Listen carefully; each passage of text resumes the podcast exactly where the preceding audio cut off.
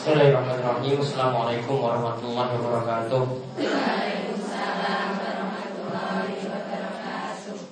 إن الحمد لله نحمده ونستعينه ونستغفره ونعوذ بالله من شرور أنفسنا ومن سيئة أعمالنا من يهده الله فلا مضل له ومن يضلله فلا هادي له وأشهد أن لا إله إلا الله وحده لا شريك له وأشهد أن محمدا عبده ورسوله. اللهم صل على نبينا وسيدنا محمد وعلى آله ومن تبعه بإحسان اليه الدين. اللهم انفعنا بما علمتنا وعلمنا ما ينفعنا وزدنا علما. اللهم أسر لنا ديننا الذي هو عصمة أمرنا وأسر الدنيا التي فيها معاشنا. وأسر آخرتنا التي فيها معاشنا waj'al al-hayata ziyadatan lana fi kulli khair waj'al al-mauta rahatan lana min kulli syarr. Baik, uh, ibu-ibu para jemaah sekalian, alhamdulillah kita bersyukur kepada Allah atas nikmat yang Allah anugerahkan kepada kita sekalian sehingga pada kesempatan malam hari ini kita dapat duduk di dalam majelis yang mulia. Mudah-mudahan Allah senantiasa memberi umur kita dalam kebaikan terus memudahkan kita untuk melakukan kebaikan-kebaikan dan juga kita ditambahkan ilmu yang bermanfaat dan juga kita dimudahkan untuk melakukan setiap amalan saleh. Baik malam hari ini kita lanjutkan dengan pembahasan dua kitab yaitu dari tafsir Amma dan pembahasan fikih sunnah linisa fikih sunnah wanita karya Syekh Abu Malik Kamal bin Said Salim.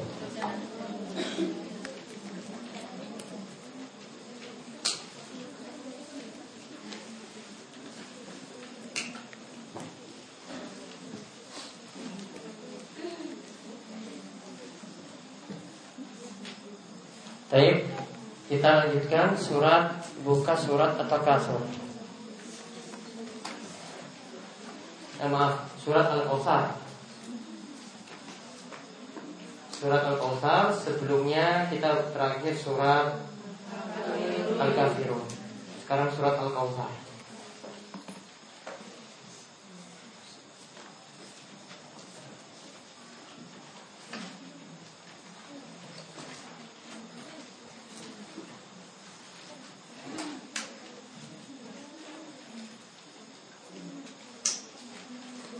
Ampun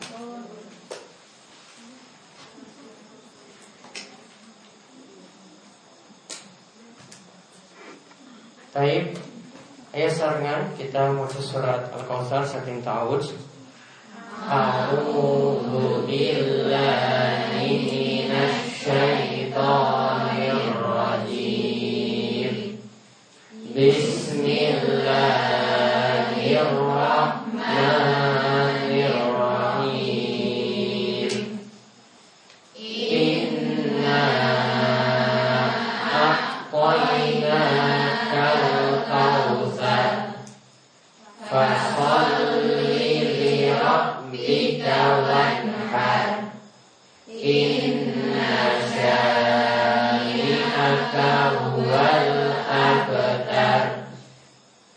Baik, surat ini terdiri dari tiga ayat. Coba dibaca artinya, Bu. Aku berlindung kepada Allah dari segala godaan setan yang terkutuk dengan menyebut asma Allah yang maha pengasih, maha penyayang. Sungguh, kami telah memberimu Muhammad nikmat yang banyak. Maka laksanakanlah sholat karena Tuhanmu dan berkorbanlah sebagai ibadah dan mendekatkan diri kepada Allah. Sungguh orang-orang yang membencimu dialah yang terputus dari rahmat Allah. Baik. Jadi tiga ayat ini kita lihat artinya secara umum sesungguhnya kami telah memberikan kepadamu nikmat yang banyak. Maka dirikanlah sholat karena Rabbmu, karena Allah lalu berkorbanlah sesungguhnya orang-orang yang membenci kamu dialah yang terputus. Terlebih dahulu kita lihat makna Al-Kautsar. Al-Kautsar itu apa? Jadi yang pertama kita bahas makna Al-Kautsar.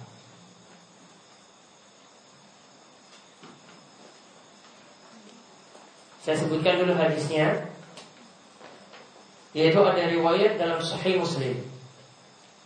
Dari Anas bin Malik Ia berkata Suatu saat Rasulullah Sallallahu alaihi wasallam berada di sisi kami. Dan saat itu beliau dalam keadaan tidur ringan Artinya tidak nyenyak. Lantas beliau mengangkat kepala dan tersenyum.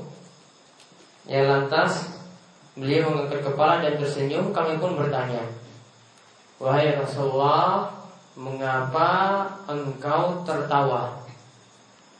Kemudian Rasulullah SAW itu mengatakan Baru saja turun kepadaku Suatu surat. Lalu beliau membaca surat ini Bismillahirrahmanirrahim. Inna a'tayna kal Fasalli li rabbika wanhar. Inna sya'ni'aka huwal abtar. Kemudian beliau berkata Karena di dalam surat tadi disebut Inna a'tayna kal kausar Tahukah kalian apa itu al-kausar kata Nabi? Kemudian para sahabat menjawab Allah wa rasuluhu a'lam. Allah dan Rasulnya itu yang lebih tahu Para sahabat jawab demikian kalau ada urusan agama yang mereka tidak tahu maka mereka selalu menyebut Allah dan Rasulnya yang lebih tahu. Lantas ketika itu Rasulullah SAW itu mengatakan Fa innahu nahrun. Al-Kausar itu adalah sungai. Wa wa'adanihi Rabbi azza wa jalla alaih khairun kasirun wa huwa haudun taridu alaihi ummati yaumal qiyamah. Al-Kausar itu adalah sungai yang dijanjikan oleh Robku Azza wa Jal. Sungai tersebut memiliki kebaikan yang banyak. Ia adalah telaga yang nanti akan didatangi oleh umatku pada hari kiamat. Jadi saya sebutkan ulang ya. Aniyatuhu ada nujum. Sungai tadi itu dia punya gelas-gelas. Gelas-gelasnya itu banyaknya sejumlah bintang di langit. Ada yang pernah hitung bintang di langit? Nah, dulu pas malam mingguan tuh sama pacarnya dulu ya hitung-hitung bintang di langit ya. Nah, bukan? Enggak hitung, ya enggak ada manfaat juga itu itu itu itu apa. Ya ada gelasnya di telaga tadi, jadi dia punya telaga. Telaga itu nanti didatangi oleh umatku pada hari kiamat. Jadi sungai punya telaga. Kemudian telaga itu kalau ingin minum ada gelas. Masya Allah. Kalau telaga di sini kan nggak ada gelas untuk minum kan?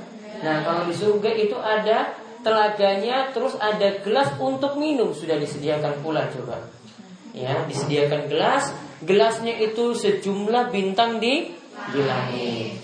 Kita hitung bintang di langit nggak bisa. Artinya jumlah yang banyak sekali. Namun ada dari sebagian hamba yang tidak bisa minum dari telaga tersebut. Ya, ada di situ fayuhtala al-'abdu minhum fa'aqul rabbi innahu min ummati. Ada sebagian orang yang tidak bisa minum dari telaga tadi dan Nabi katakan itu adalah umatku.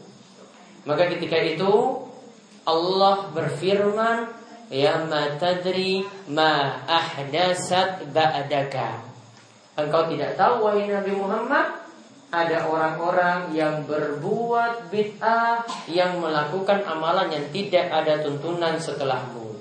Mereka ini yang tidak bisa minum dari telaga Nabi SAW di akhirat nanti. Maka kesimpulannya, silakan tulis Al-Kausar adalah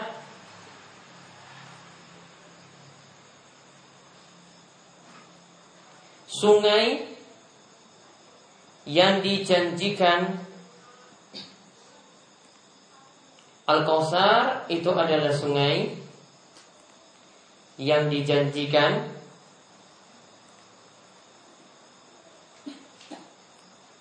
oleh Allah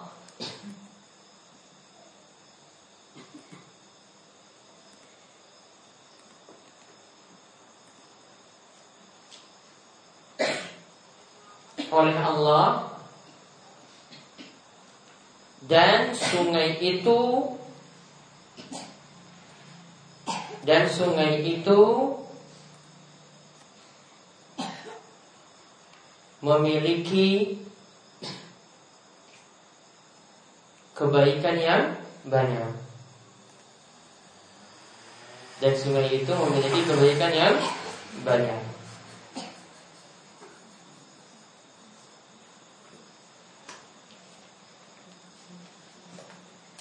Sungai itu memiliki telaga. Ya, sungai itu memiliki telaga. Yang nanti akan diminum. Yang nanti akan diminum. Oleh umat Muhammad yang nanti akan diminum oleh umat Muhammad.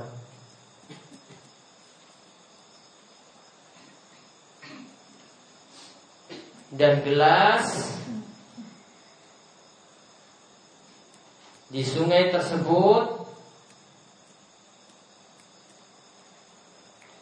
dan gelas di sungai tersebut jumlahnya amat banyak.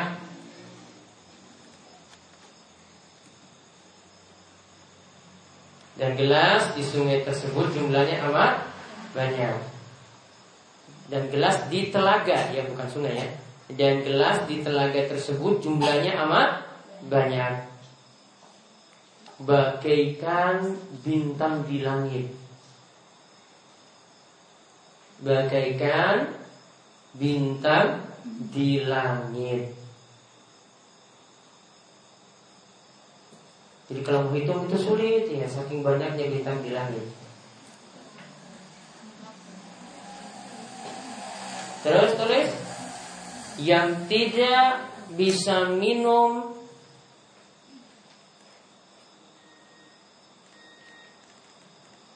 dari telaga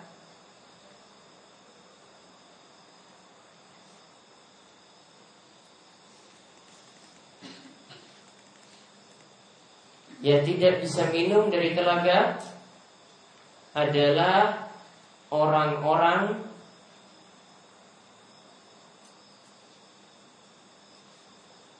yang membuat ajaran baru. Orang-orang yang membuat ajaran baru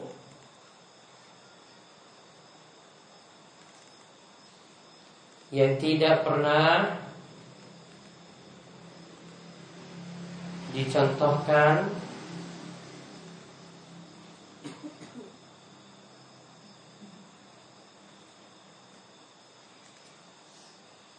oleh Nabi Muhammad Sallallahu Alaihi Wasallam.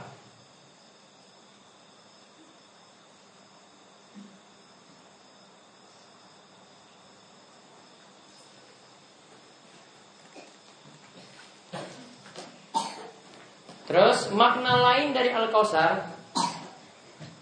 Makna lain dari Al-Kausar Kalau tadi kita sebut Al-Kausar tadi apa? Sungai ini Sungai di surga. Kemudian makna lain dari Al-Kausar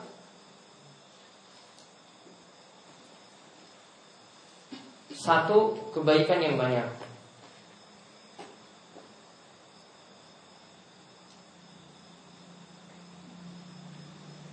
Dua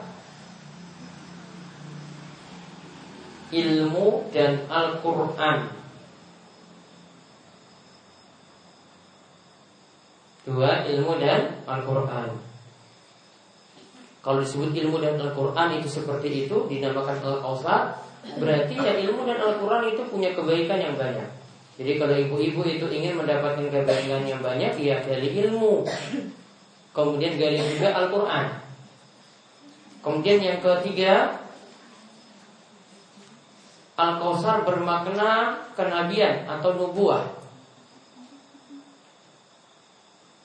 Al-Kausar bermakna kenabian atau nubuah.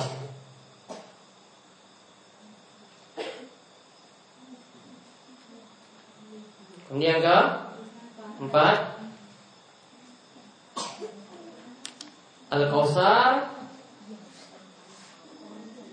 Coba diulang yang pertama tadi Yang banyak Yang kedua Ilmu dan Al-Quran Yang ketiga Kenabian Atau nubuah Kemudian yang ke Empat Al-Kausar adalah nama telaga kalau tadi kita sebut nama sungai, ini nama nama telaga.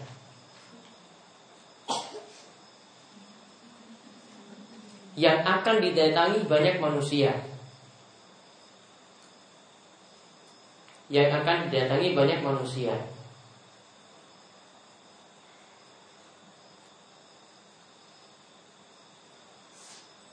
Jadi kalau di nanti kalau hausnya ya minum ini. Minum dari telaga ini, telaga Al-Kawthar. Kemudian makna yang terakhir Al-Kausar berarti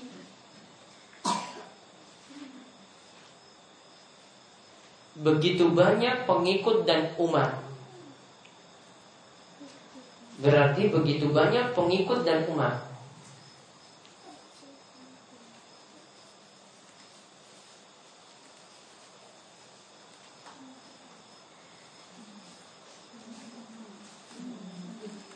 Sampun? Ada berapa berarti? Lima ditambah sungai tadi jadi enam. Iya tak? Tadi kan makna yang pertama sungai, kemudian ditambah lima yang lainnya jadi enam. Nah itu tadi makna dari Al-Kautsar Dan secara bahasa ya Al-Kautsar itu artinya kebaikan yang banyak Jadi kita bisa artikan kebaikan yang banyak Bisa artikan sungai, nama sungai di surga bisa kita artikan juga nama telaga di surga, bisa kita artikan juga ilmu dan Al-Quran, bisa juga kita artikan pengikut yang banyak atau umat yang banyak punya makna-makna semacam tadi atau punya arti nubuah atau kenabian. Nah kita lihat tadi inna a'atoina kal kausar fasolli li rabbika. Sekarang kita gali faedah dari surat tersebut. Sekarang faedah dari surat Al-Kautsar. Faedah dari surat Al-Kautsar.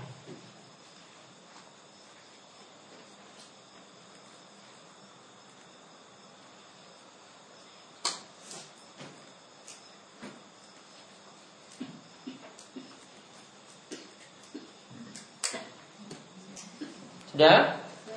Nah, kita lihat dari ayat pertama Inna a'tayna kal kautsar. Sesungguhnya kami telah menganugerahkan kepadamu al-kausar. Kemudian dikatakan selanjutnya fasolli li rabbika wanhar. Maka kerjakanlah sholat dan berkorbanlah. Jadi setelah diberi nikmat, kita diperintahkan untuk ibadah. Setelah diberi nikmat, diperintahkan untuk ibadah. Maka sekarang faedah yang pertama, pemberian nikmat dari Allah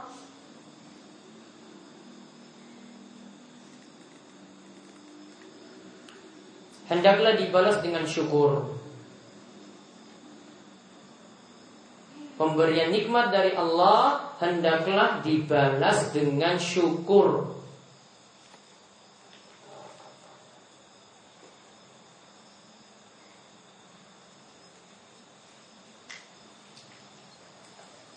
Dan di antara bentuk syukur dan di antara bentuk syukur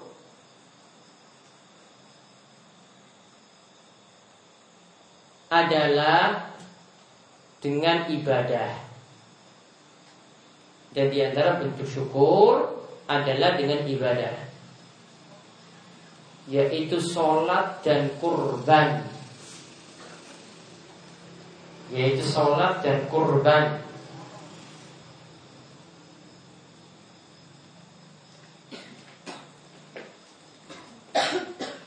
Kemudian faedah yang kedua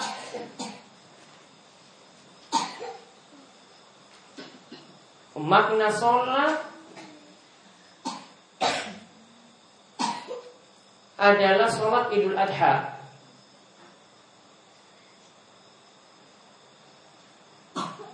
Makna sholat adalah sholat idul adha Sedangkan kurban adalah penyembelihan pada hari Idul Adha adalah penyembelihan pada hari Idul Adha.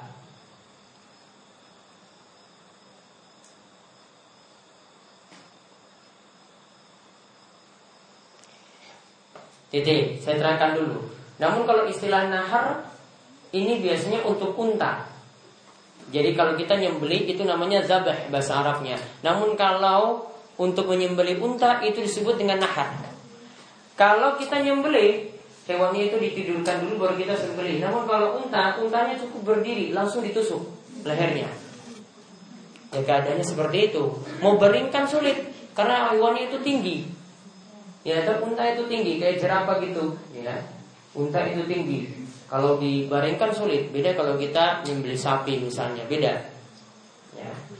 Ibu-ibu kira-kira bisa nyembeli? Asal Perempuan asalnya boleh menyembelih karena pernah terjadi di masa Nabi SAW. Kemudian Nabi SAW itu ditanya oleh sahabat, waktu itu ada hewan hasil sembelian itu disembelih oleh perempuan.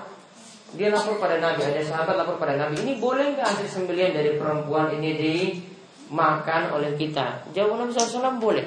Artinya berarti nyembelinya itu sah, berarti dibolehkan. Maksudnya nyembelih pitik wayang Raisa. Baik, kita lanjut. Jadi yang kedua tadi yang dimaksudkan sholat itu apa? Sholat apa? Terus yang dimaksudkan dengan kurban penyembelian pada hari itu adha. Nanti penyembeliannya itu pada tanggal 10, 11 dan 12. Adapun tanggal 13-nya 13 Zulhijjah itu para ulama bersih pendapat. Namun mayoritas ulama katakan bisa 4 hari 10, 11, 12, 13. Namun amannya sampai hari 12 saja. Nah sekarang faedah yang ketiga Sholat dan kurban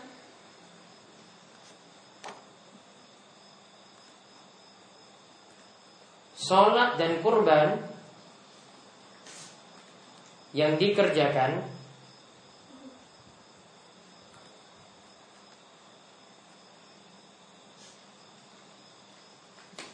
Sholat dan kurban yang dikerjakan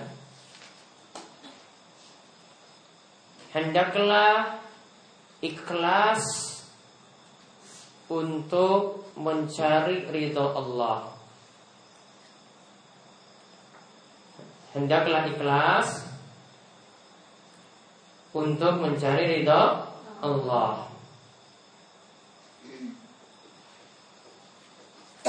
Hendaklah ikhlas untuk mencari ridho Allah.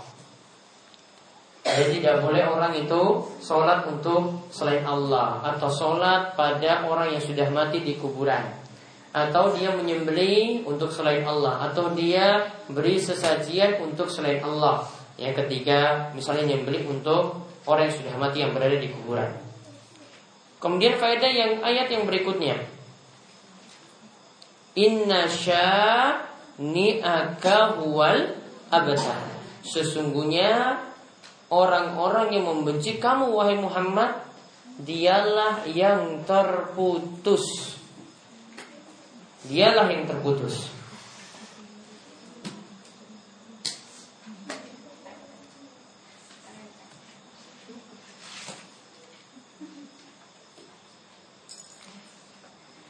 Faedah yang keempat Yang dimaksud abotar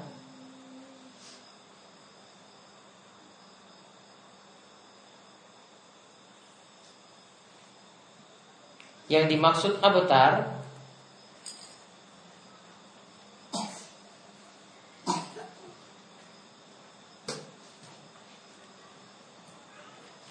adalah terputus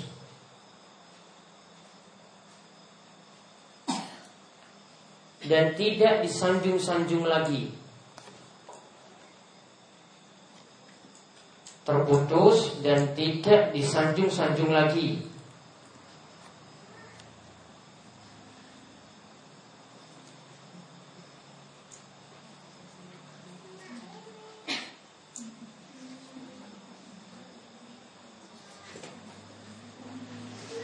Artinya, jadi artinya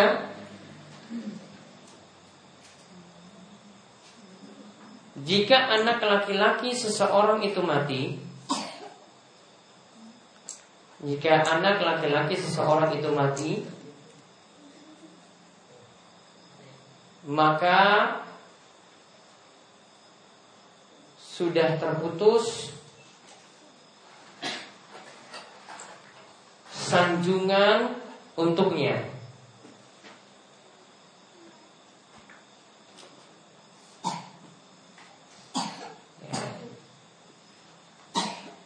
Maka terputus sanjungan un untuknya. Titik.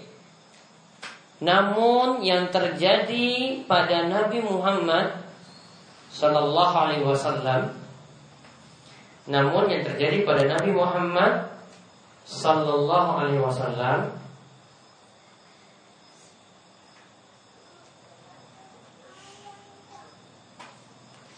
walaupun beliau tidak punya keturunan laki-laki.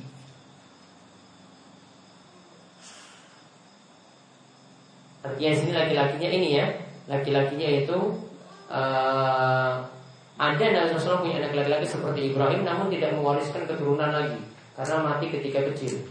Walaupun Nabi tidak memiliki anak laki-laki, namun beliau tetap disanjung atau dipuji sampai hari kiamat. Namun beliau tetap disanjung atau dipuji hingga hari kiamat karena syariat yang beliau bawa. Karena syariat yang beliau bawa.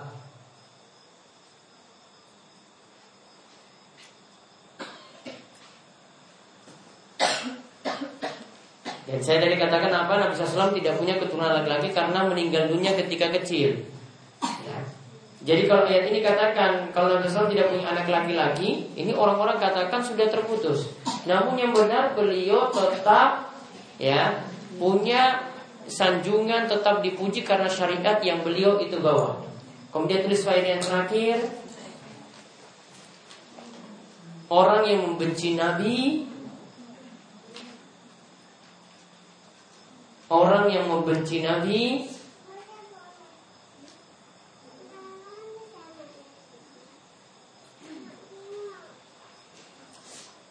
dan juga memusuhinya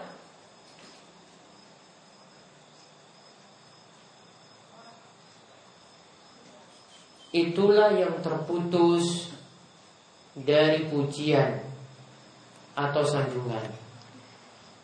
Itulah yang terputus dari pujian atau sanjungan.